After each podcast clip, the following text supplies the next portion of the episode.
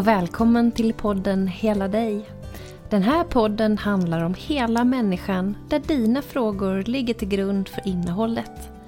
Det kan vara frågor som handlar om relationer, i kärlek, vänskap, familj eller på jobbet.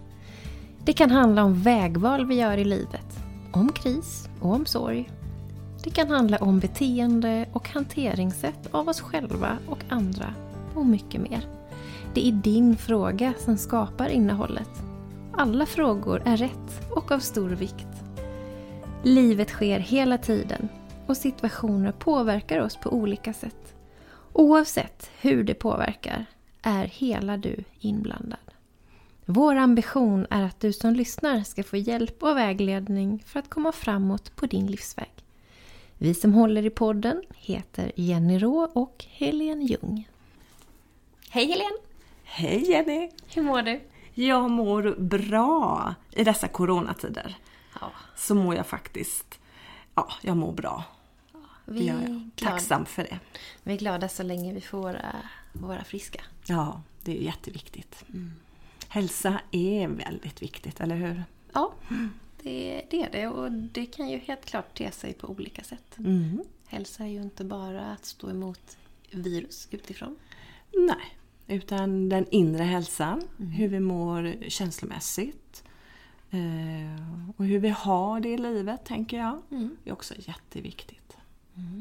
Jag tänker att när man inte mår bra, då smittar man faktiskt som virus. Mm. Det gör man. Och då är det ju fler som också blir medvetna om sitt eget virus. Mm. Men det finns ju botemedel för det, eller hur?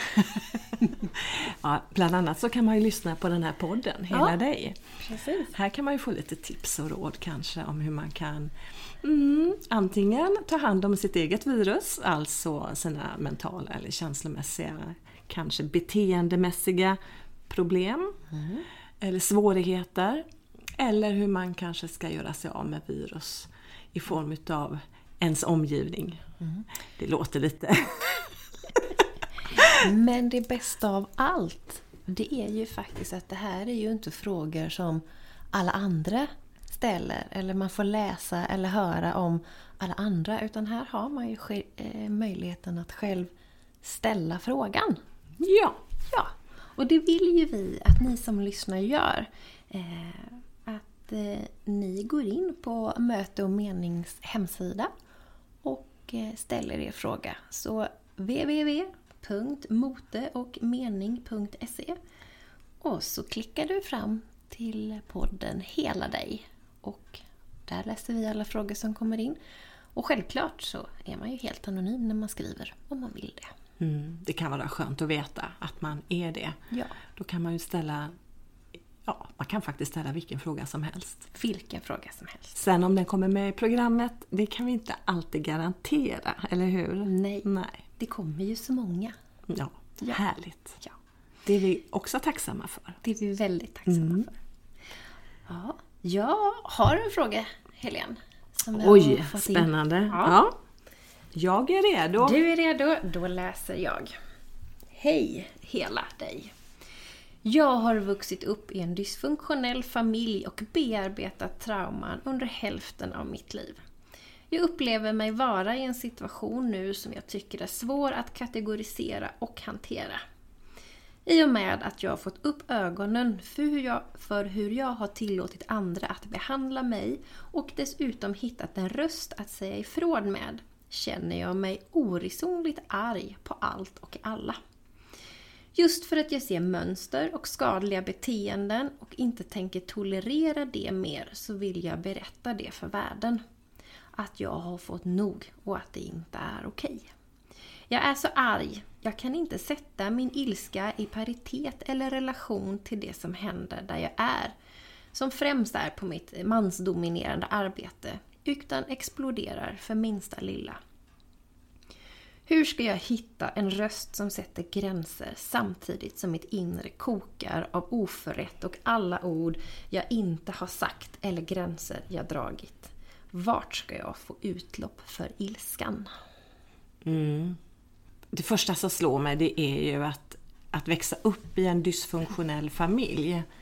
är ju, kan vara på väldigt många olika sätt naturligtvis. Men om vi nu utgår ifrån att det kanske är en, en familjesituation där det är, pågår våld eller missbruk eller övergrepp på något sätt. Alltså lite grann av eh, allvarligare art av dysfunktionalitet. Mm. Så är det klart att precis som vi skojade lite grann förut om, du vet, att när någon mår dåligt så smittar man mm. även sin omgivning. Och, och, så är det i en dysfunktionell familj. Det kan vara en, ibland är det två, eh, som mår eh, dåligt i en familjesituation. Men hela familjen och kanske ännu större, kanske hela släkten är mm. påverkad av hur det här hur, hur, hur måendet är i familjen. Så är det. Mm. Det som är den här kvinnans problem, det är ju att hon är så arg.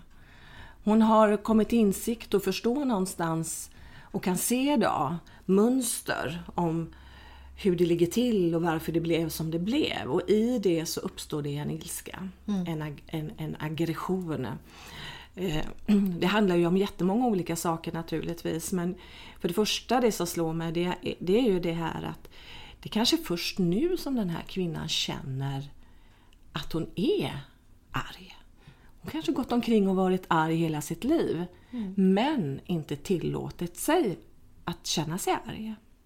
Nej, jag har inte kunnat sätta ord på det. Hon har inte kunnat sätta ord på det och hon har kanske inte heller tillåtit sig att visa de känslorna. Mm. Eh, det lilla barnet som växer upp i en familj eh, vet ju inget annat än att förhålla sig till det som pågår. Och barn är ju överlevare av högsta rang verkligen. Mm. Så barn lär sig ganska tidigt eh, strategier utifrån att vara till lags, att bli bekräftad och att bli accepterad. Mm.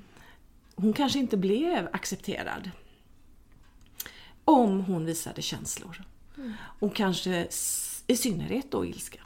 Det kan vara en förklaring till varför hon nu då nästan tar igen. Du vet, det är liksom när man har hållit inne någonting så till slut så exploderar det ju. Mm. Så du tänker att när hon har växt upp istället för att när hon egentligen blev arg så har hon uttryckt en annan känsla. För när hon har uttryckt att hon har varit arg mm. så har hon fått eh, mer skäll, mer trubbel, mer... Eh, ja, eller och, eh, fått en icke-bekräftelse. Hon kanske mm. inte fått den kärlek eller den, det stöd som hon mm. sökte.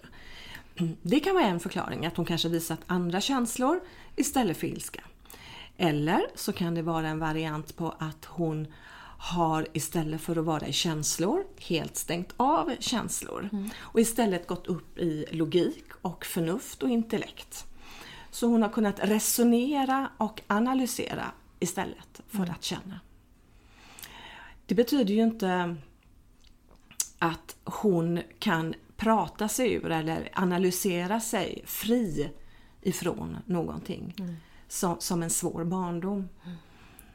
Vad hon känner idag tror jag, det är liksom början på den sorgeprocess mm. som hon är tvungen att gå igenom för att kunna bli hel mm. igen så att säga.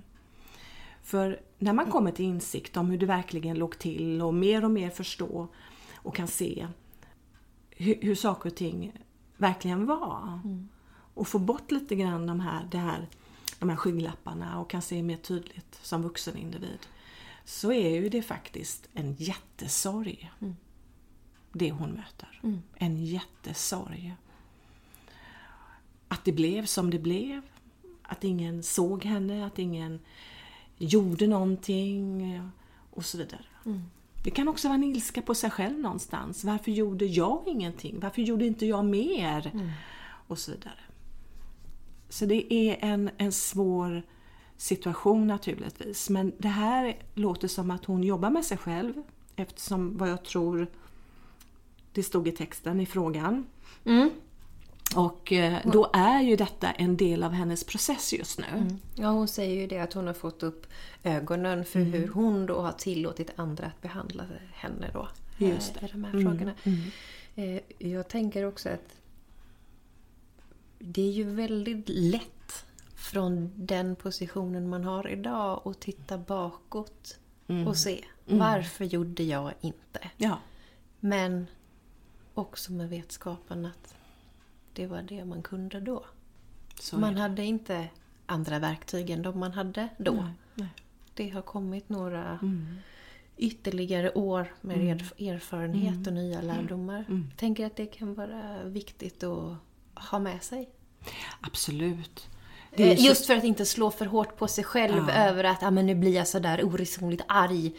Nu är det fel på mig. Ja, återigen, Ja. Upp i logik och förnuft och resonemang och analys. analys. Eh, vilket jag tror att det handlar om mer i den här situationen. Att, att hon ifrågasätter helt enkelt sina känslor. Och eftersom det kanske inte varit okej att vara arg fullt ut. ehm, så, så, så då är det någonstans återigen att hon brottas ju med det faktum att hon är arg.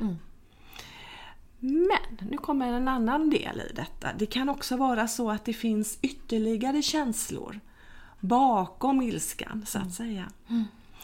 Eh, det kan också vara så att ilska är den första känslan hon nu känner. För att så småningom i en, i en utveckling av sin egen process kan vara att hon kommer mer i kontakt med ledsenhet eh, och så vidare. Så att det kan ju vara det att ilskan döljer ledsenheten. Det kanske till och med är mer eh, socialt accepterat att vara arg och ilsken än att vara ledsen. Åtminstone i vissa familjer, i vissa kulturer. Det kan ju vara så att hon fick mer vara arg än ledsen. Och då är det det hon använder än idag. Och detta är ju svårt att sitta och säga här för oss nu, ge ett definitivt svar utifrån en sån här fråga. Så därför vill jag då förklara att det kan vara på olika sätt eh, här utifrån individ och utifrån situationen som var och så vidare. Men det kan också vara absolut att man, att man använder ilskan som det man kan kalla det för favoritkänsla. Inte för att den är så himla kul att ha utan mer att det är den känslan man använder. Istället för att använda känslor som man inte är bekväm med helt enkelt. Så det kan också vara en aspekt i detta. Jag tycker ju att alla former av känslor är ju bra. Vi ska känna, vi är människor. Vi är, inga, vi är inga robotar eller maskiner som jag brukar säga till mina klienter. Utan vi är ju människor och vi har en uppsättning känslor. Tanken och meningen med att vara människa det är ju att vi ska känna våra känslor. De är ju redskap för oss. Så absolut att hon ska fortsätta känna det hon känner och inte, inte trycka ner sig själv, inte ifrågasätta det. Men vad hon skulle ytterligare, ytterligare kunna göra det är faktiskt att när hon blir då så himla arg att hon avsätter lite tid för sig själv helt enkelt. Eh, och, och fråga sig själv i den stunden. Finns det någon annan känsla här involverad som jag inte riktigt fullt ut tillåter mig? Som nästan drunknar bakom, förstår du? Den, som, som tystnar för att ilskan är så högljudd. Kan det vara så att hon faktiskt också är ledsen? Kan det faktiskt vara så att hon är rädd? Det kanske finns en rädsla, en oro någonstans. Kan det finnas en maktlöshet? Kan det finnas en hopplöshet? Frågorna jag, du hör, ja, jag blir jättenyfiken här nu. Ja. Men Men när hon känner att hon börjar bli så här arg, eh, ta en liten egen time-out Ja. och sätta sig och verkligen känna in vad är det som känns och vad är det som känns mer bakom. Vad finns det bakom denna känslan? Finns det ytterligare något som jag inte tillåter mig att undersöka? Utan jag hakar upp mig på ilskan. Jag hakar upp mig på det jag är arg på. Det är ju så här att våra känslor är reaktioner och de får jag ju själv ta ansvar för. Det är så väldigt lätt när vi blir arg att vi vill lägga över den ilskan på någon eller något, eller hur? Vi projicerar alltså våran ilska. Så istället för att fråga sig själv hela tiden eh, Åh vad han är dum i huvudet. Istället fråga sig själv Vad står det här för mig? Vad, vad händer i mig just nu? Vilken del i mig känner sig hotad? Ja, hotad eller vad det nu är. Men Jag tänker så här. Hon, hon, hon beskriver ju då att eh, hon kan explodera för minsta lilla. Eh, jag tänker att, eller det här kanske är mina fördomar, att det kan sätta lite käppar i hjulet för henne. Alltså när, om, om man visar en känsla som inte är riktigt är i realitet till vad som har skett. Hur ska hon... Hur, Ja. hur fort ska hon förstå att hon behöver sin time-out? Ja, helst innan. Helst innan. helst innan det händer. Nej, ja. Alltså, det är ju så. Alltså, hon behöver nog titta på, om det är så att hon är att hon exploderar vid minsta lilla just nu, så kanske det är så att hon behöver backa lite grann och titta på sin det var arbete det här gällde. ja. Så då behöver hon titta på sin totala arbetssituation. Hur är det där? Alltså när en person är stressad eller pressad så har vi mer tendens till att explodera. Vi är alltså, ja, Yes. stubinen är inte så lång om jag säger så. Och jag tänker, alltså har man kom... Om hon nu är i ett flöde där hon är mycket och, eh, och, och bearbetar så kan jag också tänka mig en känsla av hudlöshet. Och att då krävs det inte så mycket Nej. för att det ska börja blöda. Så är det. Eh, Absolut. Jag tänker att man kanske behöver vara lite extra rädd om sig. Jajamän. Att inte utsätta sig för situationer att här Mm. vet jag att jag kommer att bli arg för att jag kanske bara ser en person. Mm. Nej men det är ju så. Alltså hon är ju i en process med sig själv i personlig eh, utveckling. Eh, kanske är det terapi hon går i. Eh, och det är ju som du säger, man blir ju ganska hudlös. Det är ju liksom det som är terapins syfte lite grann. Att skala av och någonstans försöka få ner försvaren för att komma i kontakt med det, det som finns där på insidan. För hon, ställer ju också frågan hur ska jag hitta en röst som sätter gränser samtidigt som att hon kokar och känner sig orättvist eh, behandlad och, eh, och det för tidigare gränser. Ja, du hör ju här att det är dubbelt upp. För det som händer på jobbet triggar gamla, eh, gamla sår helt enkelt. Så därför blir det som händer på jobbet oproportionerligt stort. Alltså förmodligen så finns det ingen anledning att bli så våldsamt arg som hon blir just nu. Och det är som du säger också där att det beror ju på att hon jobbar ju med sitt förflutna. Eh, Så att det blir liksom en dubbelreaktion. Hon blir dels irriterad arg på det som händer på jobbet men detta triggar nu igång det som hon håller på och kanske då, vad vet jag, men bearbetar eh, i sin barndom. Ja, och, och det här har jag tänkt, för hon vill ju då, hon vill ju sätta gränser. Mm. Eh, är, är, det gränser som är det närmsta steget funderar jag på? Eller är det att eh, känna det som känns? För henne tror jag, som det låter på frågan, så upplever hon nog det så att hon har ett behov av att sätta gränser. För att det var kanske just det hon inte gjorde när hon växte upp i sin familj. Den var gränslös. Hon blev gränslös. Och en gränslös människa tolererar ju alldeles för mycket dumma saker naturligtvis.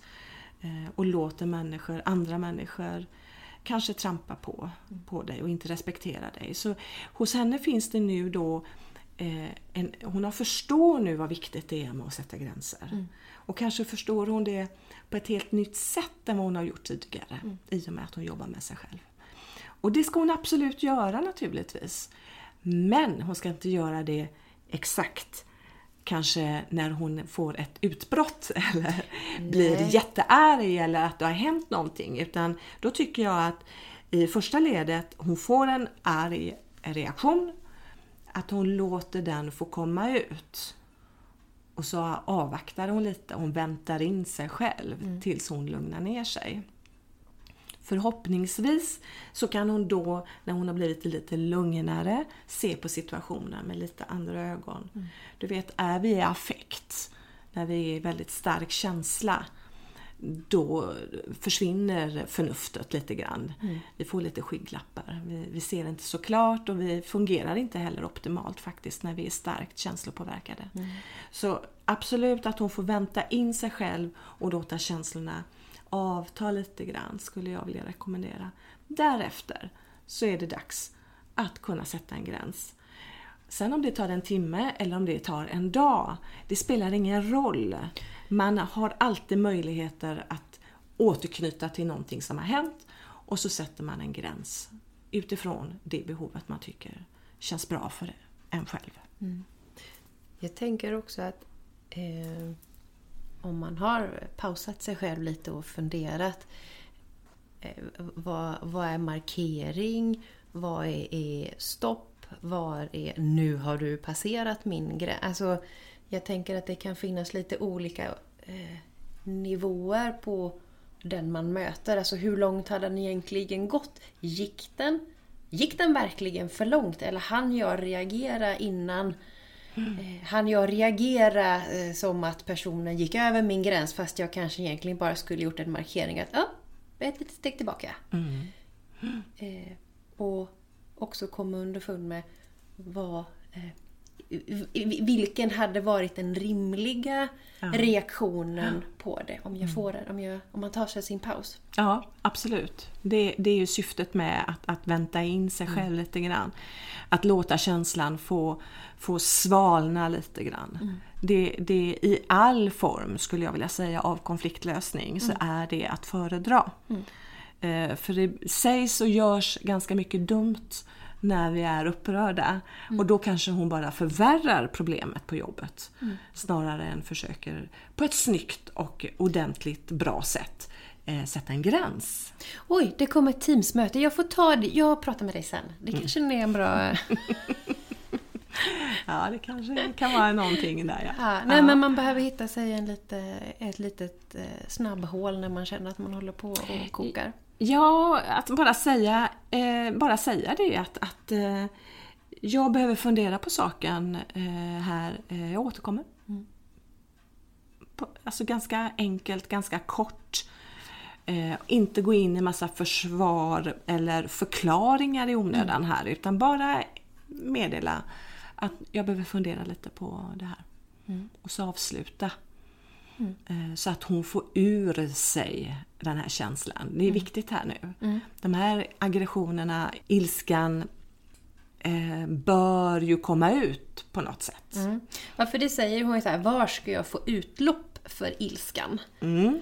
Eh, och att ta en paus eh, och, och liksom känna det som känns, det mm.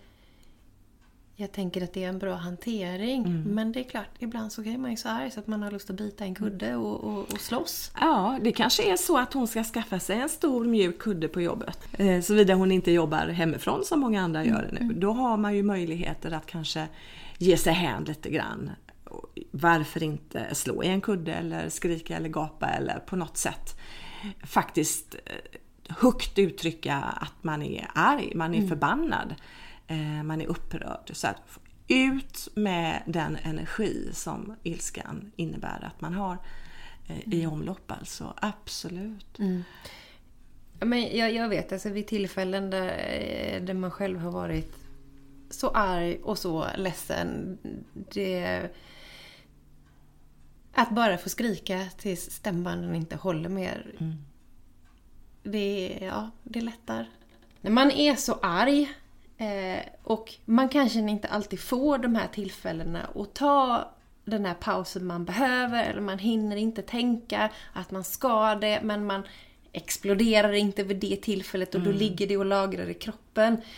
Eh, och, och, jag tänker att att hitta någon alltså fysisk aktivitet. Eh, Om det handlar om powerwalking eller slå på en sandsäck eller eh, trampa allt vad man orkar på en spinningcykel eller ut i skogen och skrika. Så behöver man göra det. Ja. Ja, ut med det i varje fall på något sätt. Ibland kan det vara bra att man skäller högt för sig själv på Ja. den person man är arg på. Och så uttrycker man och, och får man väl krydda det då med lite svordomar om man känner att man kanske, Ja. om det lättar. Eh, Och man ska inte skrika på någon när man gör sina primalskrik heller. Nej, det är väl bra att du, du får ur dig det här någonstans eh, där ingen annan är ingen i annan. närheten. Alltså nackdelen med att, att spara på ilska, det är ju att, att man pausar det bara. Ehm, ibland pausar man känsloreaktioner i flera år, ett halvt liv. Eh, eller bara ett par dagar eller några timmar. Det är väldigt, väldigt olika. Men förr eller senare så kommer det ut. Och då kommer det kanske ut på ett helt konstigt sätt, på fel person, i fel sammanhang. Eller det kommer ut i form av ångest. Eller det kan komma ut på något annat märkligt sätt. Eh, och man kan inte alls förstå att det egentligen handlade om någonting gammalt som du har varit med om utan man tror att det är någonting annat som är fel. Men alltså, man, vi ska helst verkligen inte trycka ner våra känslor, Nej. pausa känslor. Och det gäller faktiskt alla känslor, inte bara ilska. Tänk vad hemskt det hade varit om vi hade sparat på, på glädjekänslan och inte delat med oss av den. Mm. Det hade inte varit kul. Nej. Ja, men då tänker vi för att den här kvinnan eh, se till att få utrymme för eh, eller ta en paus och be att få återkomma när hon känner att hon börjar bli arg för att just inte göra någonting som man ångrar. Ja. Eh, och, och, eh, att man pausar och, och känner det som känns. Eh, och sen hitta någon typ av aktivitet där hon kan... Jag tänker att det är som stresshormoner som rusar upp. Att det bygger upp på ungefär samma sätt. Alltså när man känner sig sådär tokstressad. Och att man vill få ur det ur kroppen. Så eh, någon, någon form av aktivitet. Eh, Sen om det är skrika eller motionera. Ja, hon, hon, ska ju få ur, bli, bli arg helt enkelt. Ja. Och sen hur hon hanterar det, det är upp till henne. Eh, hon kanske har massa gammalt porslin som inte gör någonting att det går sönder, vad vet jag. Men eh, nej, men, men ut med det. Ett sätt är att skälla högt och gapa skrika. Och som om du hade personen framför dig men du har ingen framför dig. Det kan vara bra. Att sätta ord och samtidigt ut med känslorna kan vara skönt faktiskt. Så lycka till till henne. Ja. Hoppas hon kan hitta ett bra sätt. ja. Då har vi en till fråga. Så vi går på nästa. Vi går på nästa med en gång. Det eviga chattret som pågår i huvudet och som inte är gynnsamt för oss utan istället får oss att vara destruktiva, tappa fotfästet och känna oss misslyckade. Hur kan man hantera detta på bästa sätt? Undrar en som ständigt har inre dialoger pågående i huvudet. Mm. Ja, chatter, tankar, ifrågasättande. Eh, om vi ska... Destruktiva mönster. destruktiva mönster. M- Så då- då kan vi utgå ifrån att det här är en person som har negativt självprat. Man kan kalla det för den inre kritiken. Eller att man har någon slags en övervakare, en polis, en liten jäkel. Vi kan kalla det många olika saker. Men det finns då en, en, en röst inom dig som försöker någonstans trycka ner, att man trycker ner sig själv helt enkelt. Det första jag tänker på, det är, och som jag som terapeut blir väldigt nyfiken på, det är vems röst är det här från början? Det är ingen människa, det är inget barn som föds med negativt självprat. Förstår du? Du tänker att det är, man har fått höra från en När man har varit liten från en annan vuxen, en förälder, en eh, morfar, Det kan förälder, vara lärare, lärare. kompisar, syskon, det kan vara vad det nu Det kan vara senare i livet också. Det kan vara en, en, kill, en pojkvän, flickvän och så vidare. Va? Absolut. Så att ja, vi är ju väldigt påverkbara. Det, det är ju det vi är från den dag vi föds. Så är vi väldigt, väldigt påverkbara. Men börjar man att ta över någon annans röst till slut så kan man göra den till sin egen röst. Och det är att man håller på att ifrågasätta sig själv. Man har då en destruktiv, negativ röst inom sig som inte vill mig väl. Jag vill mig inte själv väl. Som om jag inte vore värd det. Eller hur? Så i grund och botten handlar det här om ditt eget värde någonstans. Att oftast är det här ett tecken på eh, eh, dålig självkänsla helt enkelt. Men också förmodligen här tidigare upplevelser från sitt tidigare liv. Eh, att man har kanske blivit kritiserad. Det kan ha varit i fråga om eh, hög prestationer, höga krav. Eller att man har haft någon förälder eller någon annan när och kär som man har vuxit upp med som själv har haft den här negativa rösten till sig själv. Alltså en dålig, låg självkänsla.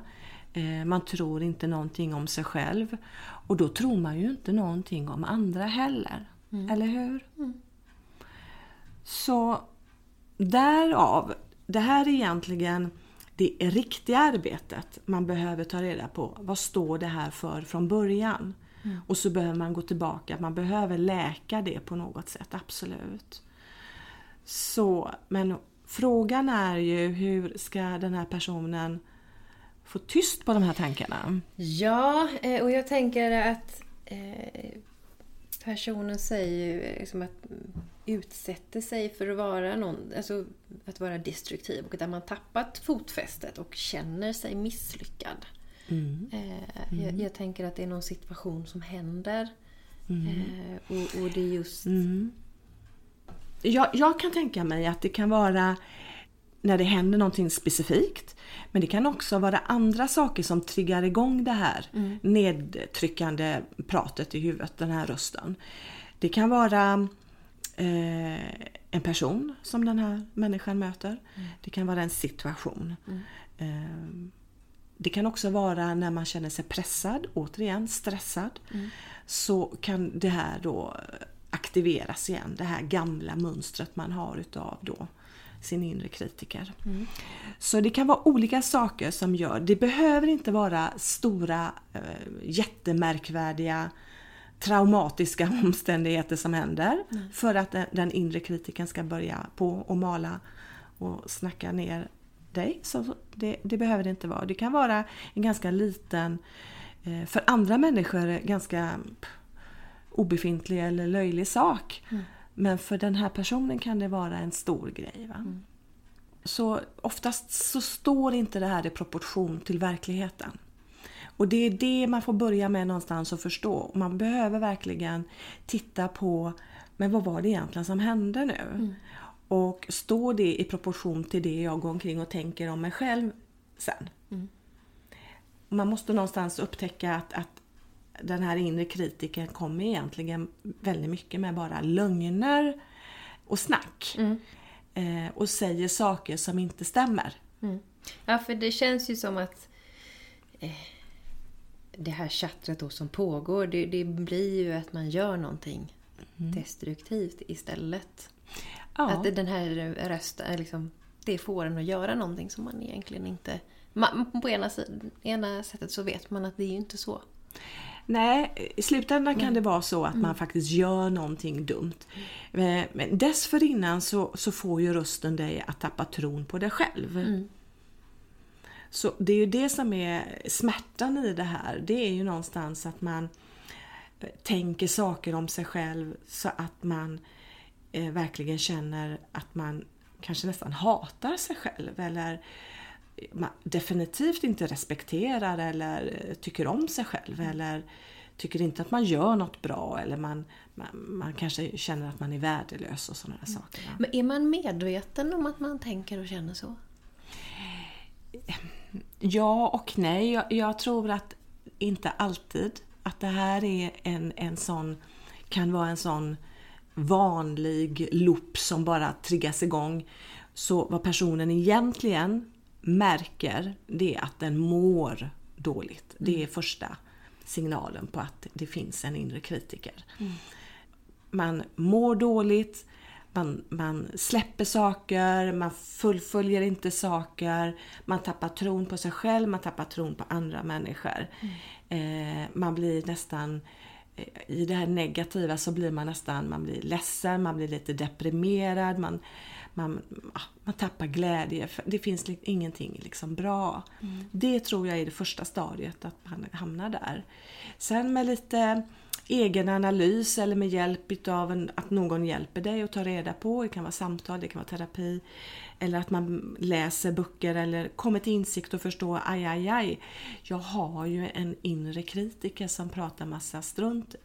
Att jag har, jag har det. Jag pratar strunt om mig. Och när man kommer fram till det, då, då, då har man ju kommit ett steg på vägen någonstans. Frågan är liksom, vad står det för? Det här är en ganska, det kan vara en liten tuff sak att bryta det här. Ehm, Du behöver, om du ska ta bort den här rösten så behöver du ersätta med någonting annat skulle jag vilja säga. Du behöver ju då ersätta med att du faktiskt tror på dig själv att, att men jag är faktiskt bra, jag, jag klarar faktiskt det här. Man måste komma med en, en moteld, förstår du? För annars så blir den här destruktiv, den destruktiviteten, det blir en sanning. va? Och det är svårt, att, varför ska jag ändra på något som är sant? Så man måste komma fram till det att först, aj aj, jag har en inre kritiker. Två, eh, jag måste sluta tro på vad den säger. För det den säger är inte sant. Och tre, jag måste komma med moteld på något sätt. Dels i hur jag tänker och, och, och, och ser på mig själv. Men, men också att man inte följer det beteendet som jag kanske skulle gjort annars. Vi får ta det mer i ett exempel. Säg nu att eh, vi, kan, vi kan ta någonting att en person ska göra någonting. Säg, att det är någon, en kompis som säger att ah, ska vi fika? Ja men visst, vi kan fika, vad kul. Och så ser man fram emot den här fikastunden. Eh, och så ringer kompisen och lämnar återbud. Nej tyvärr, jag har ingen möjlighet. Vi får ta det en annan gång. Det, det skulle kunna vara en sån här eh, faktiskt realistisk bild av hur den inre kritiken kommer in och säger att ah, mm, hon vill inte vara med dig, den här kompisen. Förstår du? Utan eh, det är för att jag är så kass eller jag är ingen rolig, jag är bara en tråkig person. Och så är den igång där. va? Istället för att kanske förstå att ja, men det handlar inte om mig. Det handlar om att den här kompisen faktiskt har inte tid att gå och fika. Eller f- någonting annat kom i vägen. Men för personen i fråga så, så gör den det väldigt personligt. Och så skyller han på sig själv att ja, men det, det är mig det är fel på. Där behöver man då när man kommer jobba med den här insikten. Så motelden i det här eh, fallet kan, kan vara att man föreslår ett annat datum eller en annan stund. Eller ringer en nästa dag och frågar men ska vi fika nästa vecka istället då? Och så kanske man då får faktiskt ett ja. Va? Mm. Istället för att bara ge upp och tappa helt och hållet tron på sig själv. Eh, och gå omkring och tro att man är värdelös och ingen som vill fika med mig. Man hamnar ju gärna, den inre kritiken hjälper personen i fråga att hamna i en offerroll kan vi säga. Och det är tungt att vara i offrets position. Det är det. Svårt att ta sig ur det om det är något som har pågått länge. Men med lite, med lite hjälp och lite jäklar anamma och lite man vet någonstans så, så, så går det faktiskt. Det gör det. Men man kan behöva stöd och man kan behöva hjälp och peppning.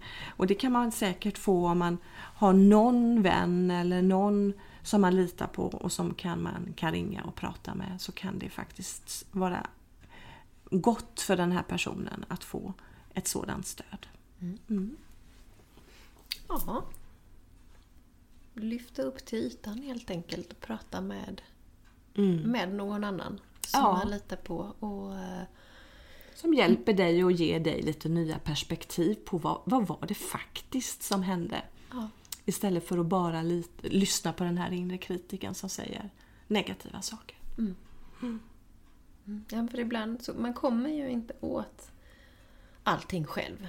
För man är ju ganska bra på att blunda. Man kanske vet med hjärnan att ja, men jag gör ju detta för att det beror ju på det här och det här. Men ändå så går man runt sig själv och gör det man vet inte är bra. Eh, Och jag tänker att det, det är svårt att komma åt det helt själv för att det är så mycket lättare att blunda än att titta på det som är jobbigt. Ja, det är, alltså, det är ju vanans makt lite grann. Att man, eh, det blir lätt att mönster, vi kallar det för mönster, hur man beter sig, hur man reagerar, agerar. Ett mönster det är ju något som återkommer. Va? Och, och eh, saker och ting tenderar att återkomma hos oss människor.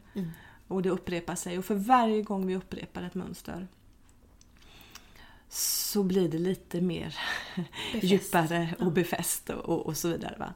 Så det är viktigt när vi upptäcker att vi har eh, negativa eller destruktiva beteendemönster att vi verkligen försöker eh, jobba med dem. Absolut. Vi ska inte gå omkring och må dåligt. det är väl dumt? Det är jättedumt. När vi inte behöver. Nej, det ska man göra så lite som möjligt. Ja. Ja, ja det var ju de frågorna. Härligt! Eh, och det är ju så att du som lyssnar, eh, du kan ju gå in på möteomening.se och skriva din fråga där till oss. Så kanske det är den som vi tar upp nästa vecka i programmet. Eh, och eh, ja, det är väl dags för veckans tanke, eller veckans, veckans smällkaramell. Ja, det kan jag inte lova att det blir. Någon smällkaramell. Nej, men det kan väl bli i varje fall veckans fundering Vecka- eller reflektion som jag gärna vill skicka ja, med. veckans godis. Veckans godis. Ja, och jag skulle vilja liksom lyfta det här till ett, en mer andligt perspektiv. De här frågeställningarna vi fick idag. Eh, och, och då känner jag någonstans att hur viktigt det är för oss att vi bejakar oss själva, att vi är faktiskt fantastiska, unika varelser. Att varje individ, varje människa bär på någonting väldigt speciellt, magiskt.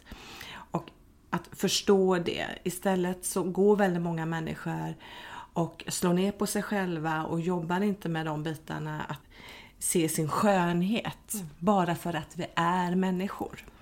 Så det är väl det jag skulle vilja skicka med just lyssnarna i, idag. Det är ju att vi är unika och att vi är fantastiska precis som vi är. Och att vi är inte fel. Vi kan göra fel, men vi är inte fel. Det är en väldig skillnad och någonstans ja, kärlek och respekt till en själv. Mm. Ja, men det är okej om jag gör fel ibland. Ja, vem gör inte det? Vi är människor, vi har fel och brister. Men jag är inte fel bara för att jag gör fel. Det är en enorm skillnad. Utan istället så är vi, eh, vi är alla liksom syskon skulle jag vilja säga. Vi hör ihop, helt klart. Och att vi är beroende av varandra. Och genom att, att lyfta oss själva så lyfter du också dina medmänniskor. Mm. Det vill jag skicka med. Härligt. Det låter väldigt fint tycker jag. Tack. Ja, bra. Men då, ehm, då säger vi på återhörande. Och så mm. ses du och jag nästa vecka. Ja, det gör vi. Ha det gott. Hej då. Hej då.